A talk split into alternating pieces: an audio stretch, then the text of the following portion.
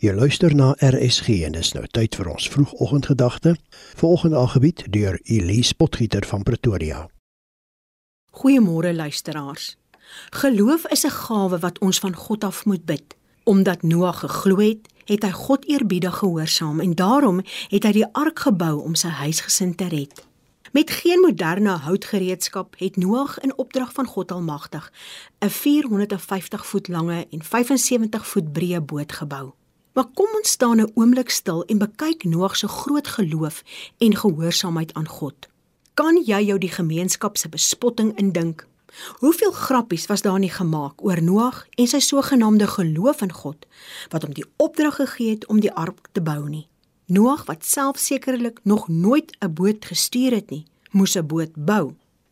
Ek glo dat Noag en sy hele gesin se lewens drasties verander het na die opdrag. Ek glo die klomp mal mense was uitgestoot uit elke vriendekring waarin hulle beweeg het. Die respek wat Noag in die gemeenskap gehad het, het nou getaan. Maar Noag en sy gesin het geloof behou. Ek glo tog dat daar tye was waarin hulle soms getwyfel het of Noag reg gehoor het. En soos die tyd aangestap het, moes die redes wat God aangevoer het vir die bou van die boot ook vervaag het.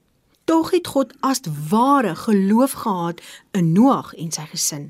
Hulle het God se bouplanne vir die ark in die fynste detail uitgevoer. So presies was dit dat wetenskaplikes van mening was dat die boot nie net kon dryf nie, maar ook ongeveer tussen 20 en 40000 diere so groot soos skape vir 'n jaar lank kon huisves. Wat ons bring by die gedagte dat ons soms van mening is dat God slegs geïnteresseerd is in die groot dinge in die lewe, soos die bou van die heelal. Maar God ons Vader is ook die God van fynere detail. Al wat hy van ons vra is geloof dat hy die almagtige God is wat ook ingestel is op detail. Hy is die God van fyn besonderhede. En so getuig God ons Vader se verlossingsplan vir ons van hierdie fyn detail.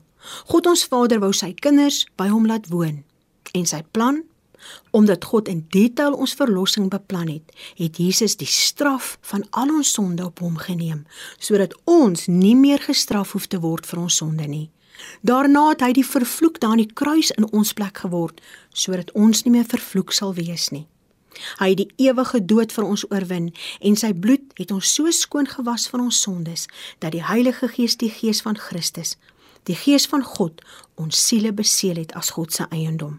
En so woon God almagtig in ons en is hy so bewus van alles wat ek en jy doen. Elke vrees wat ons het, elke beplanning wat ons het. So daarom is ons gebed vanoggend. Almagtige Vader, seën my asseblief met geloof in U. Amen.